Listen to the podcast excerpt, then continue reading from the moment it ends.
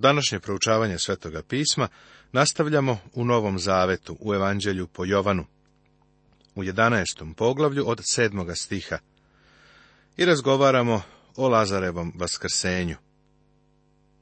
Ova bolest nije na smrt, nego na slavu Božiju. Isus dozvoljava da se to desi, jer će se kroz to Bog proslaviti. Treba da shvatimo da mi nismo centar svemira, niti je to naša kuća, crkva ili grad. Centralno mesto svega je nebo. I sve se dešava Bogu na slavu. Bez njegovog odobrenja u naš život ništa neće doći, a ako on nešto dozvoli, to će biti njemu na slavu. Želeo bih da zapaziš da je gospod voleo Martu. Nekada smo vrlo strogi prema Marti, kritikujemo je. Komentatori prema njoj baš nisu ljubazni. Ona je bila veoma zauzeta služenjem, pa nije naručila ono što je najbolje ali to nije sprečilo gospoda da je voli. Deluje li okrutno to što je gospod dopustio da Lazar umre? Ne, u tome ima poruka za nas. Gospoda nisu pokretala osjećanja. On je bio podređen volji svoga oca. Ljudsko osjećanje bi ga nagnalo da odmah ode u Vitaniju, ali on je namerno dopustio da Lazar umre. Prijatelju, on ponekad dopušta da neko naš voljeni umre. Treba da shvatimo da on za to ima razlog, i to savršen. Isusa nikada ne pokreću osjećanja. Osećanja kvare ljude, a tako i roditelji razmaze decu. Isusa motiviše ljubav, a ljubav služi na dobro pojedincu i daje Bogu slavu. Posle toga reče učenicima, hajdemo opet u Judeju. Rekoše mu učenici, ravi, sad su judeji tražili da te ubiju kamenjem i opet ideš onamo. Nemoj da ti ponovo promakne ova reč. On je tamo bio i bio je primoran da se povuče. Sada se vraća i u opasnu zonu vodi svoje učenike. Odgovor Isus. Zar nema dan dvanaest časova? Ako neko ide po danu, ne spotiče se, jer gleda svetlost ovoga sveta. A ako ko ide po noći, spotiče se, zato što u njemu nema svetlosti. U danu ima dvanaest sati i to ne možeš promeniti. Pošto je otac sinu dao posao koji treba uraditi, ništa ga ne može zaustaviti. Ovde imamo divan princip. Bog je svakom čoveku dao životno delo. Ne možeš ga produžiti ni za jedan dan, baš kao što ne možeš sprečiti sunce da popodne zalazi ali, hvala Bogu, potpuno si neranjiv, sve dok svoje delo ne završiš. Niko, čak ni Sotona, ne može da spreči Božiji cilj za tvoj život, ako ga slediš. Opasno je ne slediti Boga. Tako čovek odlazi u tamu, jer je gospod svetlost sveta. Sa njim možeš ići u opasnu zonu i neće te niko ni taknuti. Završit ćeš svoj posao. Ali, ako ostaneš na polju u tami, ako hodaš u tami, posrnućeš. U Vitaniji se desila smrt. Ako u vremenu tame treba da zasija svetlost, Isus mora tamo otići. On je svetlost sveta. Ovo reče i posle toga im produži. Vaš prijatelj Lazar je zaspao, nego idem da ga probudim. Tada mu rekoše učenici, gospode, ako je zaspao, ozdravit će. No Isus je govorio o njegovoj smrti, a oni pomisliše da govori o počinku sna. Tada im Isus reče otvoreno, Lazar je umro i radujem se zbog vas, što nisam bio onde, da poverujete, nego hajdemo do njega. Učenici nisu razumeli šta je Isus mislio kada je rekao da Lazar spava. Pošto ni danas mnogi ljudi to ne razumeju, čućemo kako mnogi govore o spavanju duše. Prijatelju, telo spava, spavanje nije za dušu. Ovo važi i za spavanje u ovom životu i za spavanje mrtvih. Smrt predstavlja odvojenje. Telo vernika spava u grobu, ali njegova duša odlazi da bude sa Hristom. Za vernika ne biti u telu znači biti sa gospodom. Isus se naziva prevencem onih koji su zaspali. Da li to znači da Isus danas negde spava, Apsolutno ne. On je u svom proslavljenom telu. Vernik momentalno odlazi kod gospoda, ali telo spava sve do dana vaskrsenja, kada će biti podignuto. Za vernika smrt je spavanje tela. Bojiš li se da zaspiš? Ne treba. Spavanje je odmor za radnika. To je odmor koji dolazi za obnovljenje i pripremu za novi dan. Ništa nije tako divno kao reč spavanje, kada se koristi za smrt vernika. Telo zaspi, ali će ga gospod probuditi. Samo on ima sat za buđenje, samo on može podići mrtve. Jednoga dana on će doći, a mi ćemo se probuditi u našim novim telima. Grčka reč za vaskrsenje je anastazis, što znači ustajanje. Clive Lewis, sjajni oksfordski profesor, ismejavajući one koji su smatrali da je vaskrsenje samo duhovno, a ne fizičko, pitao je, ako duh ustaje, koji položaj zauzima? To je pitanje na kome treba raditi. Ne, vaskrsenje znači ustajanje i uvek se odnosi na telo. Duša nikad ne umire, niti duša ikada zaspi. Smrt je realnost, surova realnost tela. Ali seti se, vaskrsenje je također realnost. Vidiš, čovek odlazi kad umre. Čak i u bolnici postoji neka konačnost vezana za smrt. Lekari će raditi i raditi na pacijentu. Kada pacijent umre, svi oni prestaju da rade. Kada smrt dođe, oni su završili. U prisustvu smrti nauka je bespomoćna. Tamo gde čovek prestaje, Isus počinje i vaskrsenje je realnost. Jedan čovek iz Pasadene je rekao, kada umireš, umireš kao pas, odgovorio sam mu. Ti bi volao da je to istina. Ali rekao sam, ako to nije istina, a mislim da te to malo muči, onda si u nevolji, zar ne? Okrenuo se, jer nije želeo da razgovara o tome. Ljudi se plaše smrti. Moja supruga i ja smo bili u Kanzasu u Americi na jednoj biblijskoj konferenciji. Oceli smo u velikom motelu. Pre večernje službe smo imali večeru, a u baru je bilo veselo. Kada smo uveče došli u motel, pročula se vest da se srušio avion sa ragbi timom. Treneri, svi igrači su izginuli. U baru je bilo kao u mrtvačnici, svi su čutali, bez nade. Na to Toma, zvani blizanac, reče ostalim učenicima, hajdemo i mi da pomremo sa njim. Toma baš ima mračne ideje, zar ne? Misli da će umreti sa Isusom, ali hvala Bogu, spreman je da to učini. Verujem da je Toma to mislio, baš kao i Simon Petar. Isus pak dođe i nađe ga kako je već četiri dana u grobu. A Vitanija je bila blizu Jerusalima, oko petnaest stadija daleko. I mnogi judeji behu došli, Marti i Mariji, da ih teše za njihovim bratom. Vitanije je oko dve milje, tri kilometra od Zlatne kapije u Jerusalimu. Mnogi judejci su došli iz Jerusalima u Vitaniju da bi bili sa Martom i Marijom. Oni su očigledno bili istaknuta porodica u Vitaniji i dobro poznati u Jerusalimu.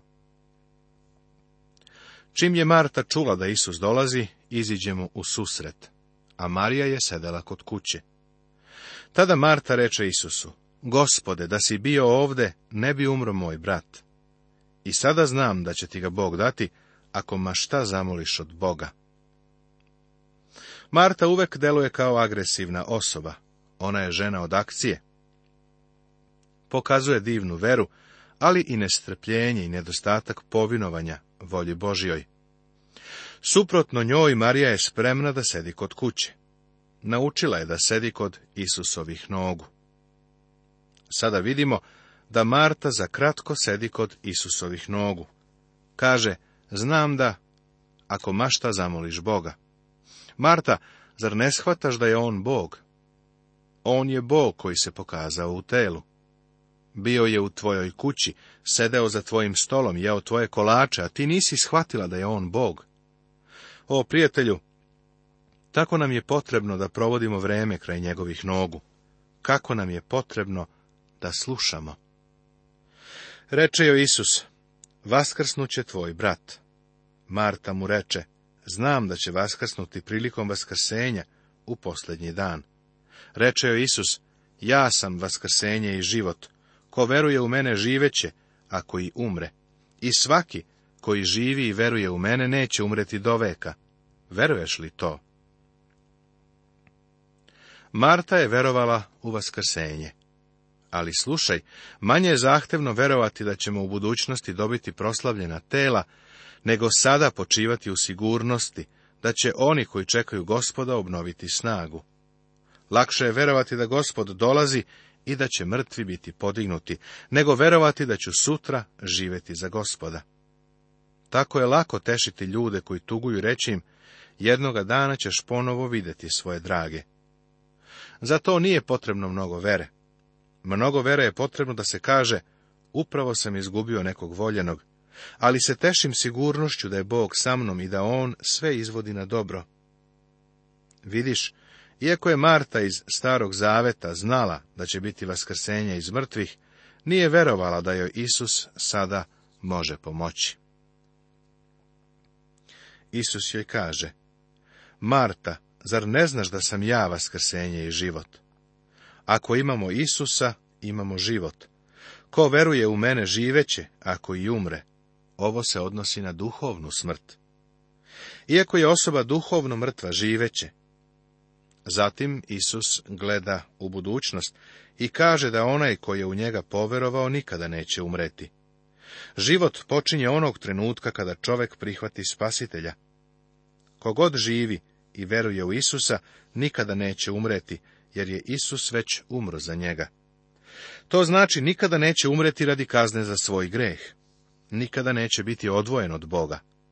Zatim Isus postavlja pitanje, veruješ li to?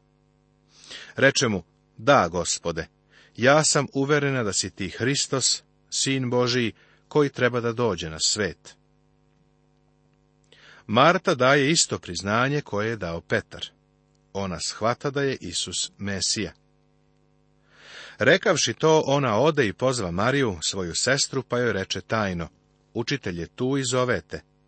A kad ona to ču, usta brzo i ode k njemu.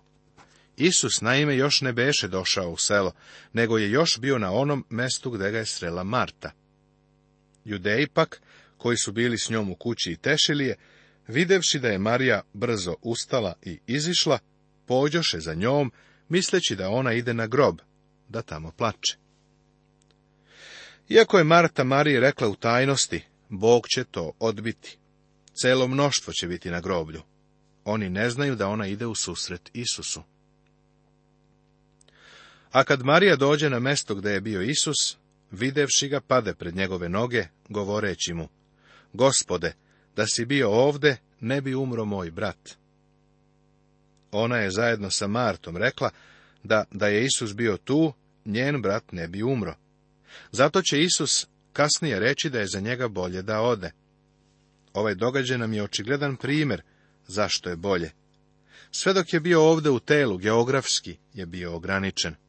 Da je živeo u tvom gradu, ne bi mogao biti u mom.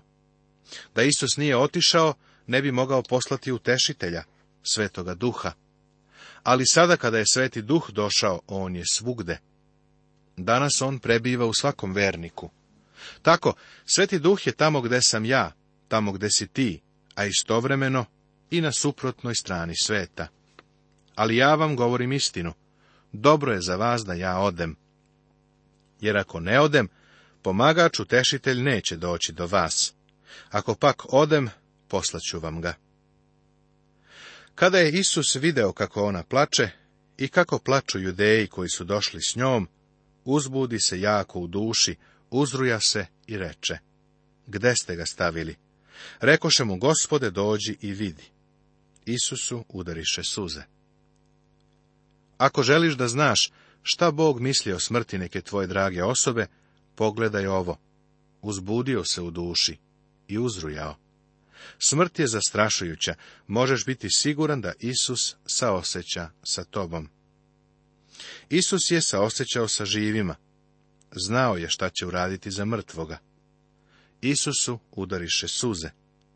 Iako je Jovanovo evanđelje napisano da nam pokaže Isusovo božanstvo, ovdje je Isus pokazan u celoj svojoj ljudskoj prirodi.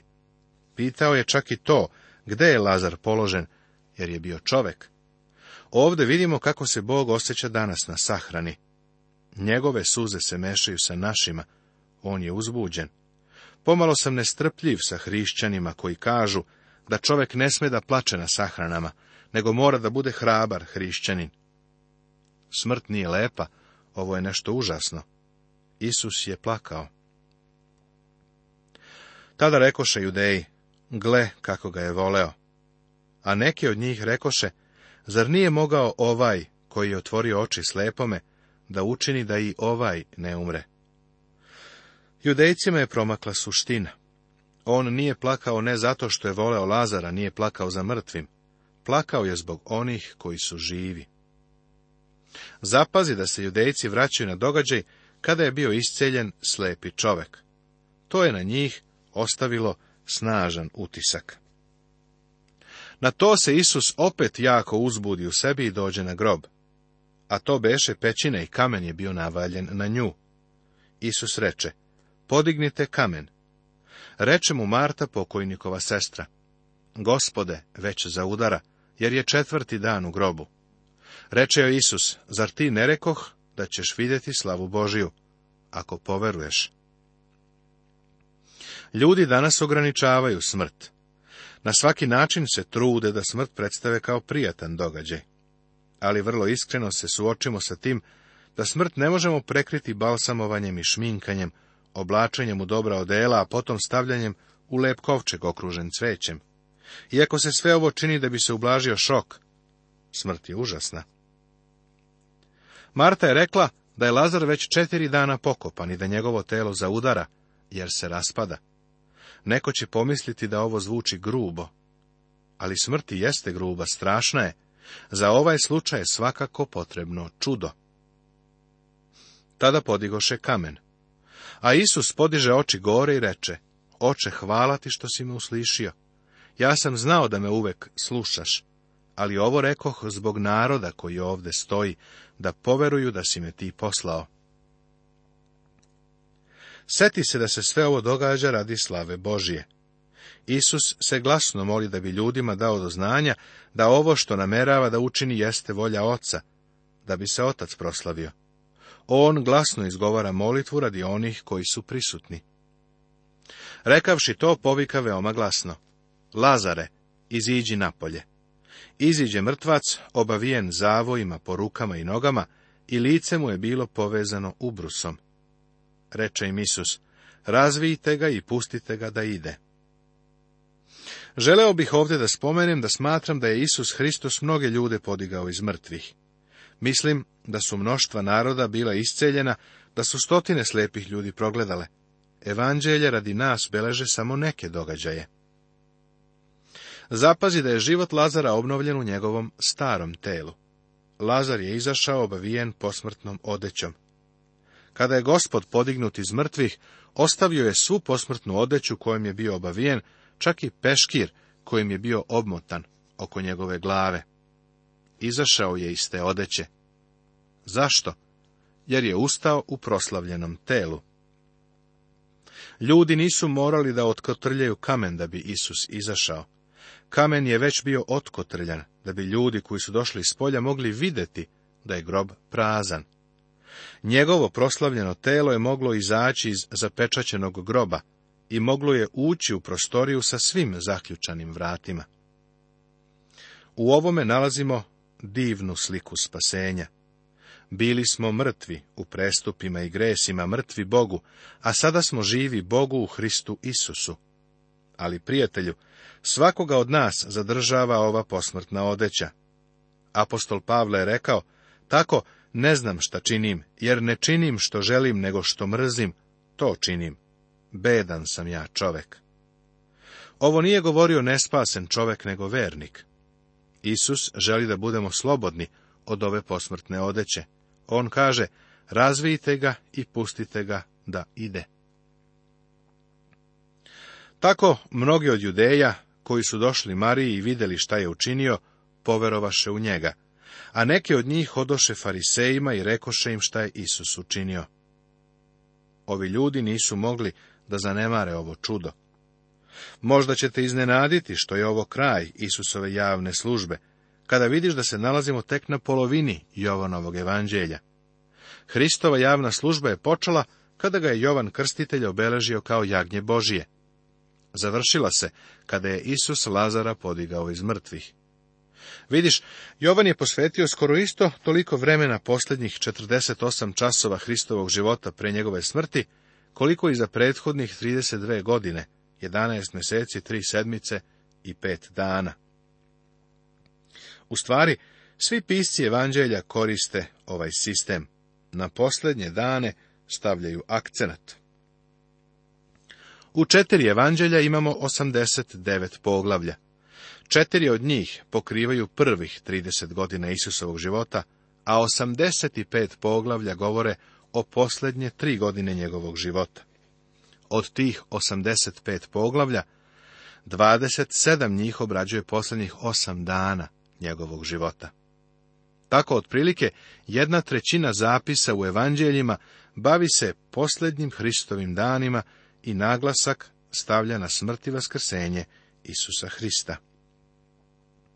Prijatelju, ako smrt i vaskrsenje Isusa Hrista nisu u prvom planu, onda imamo pogrešno predstavljanje evanđelja. U stvari, Hristova smrt i vaskrsenje čine evanđelje. Pisci evanđelja su učinili ono što je Pavle također učinio, samo kasnije. On kaže, jer sam odlučio da među vama znam samo Isusa Hrista i to raspetoga. Nastavit će se.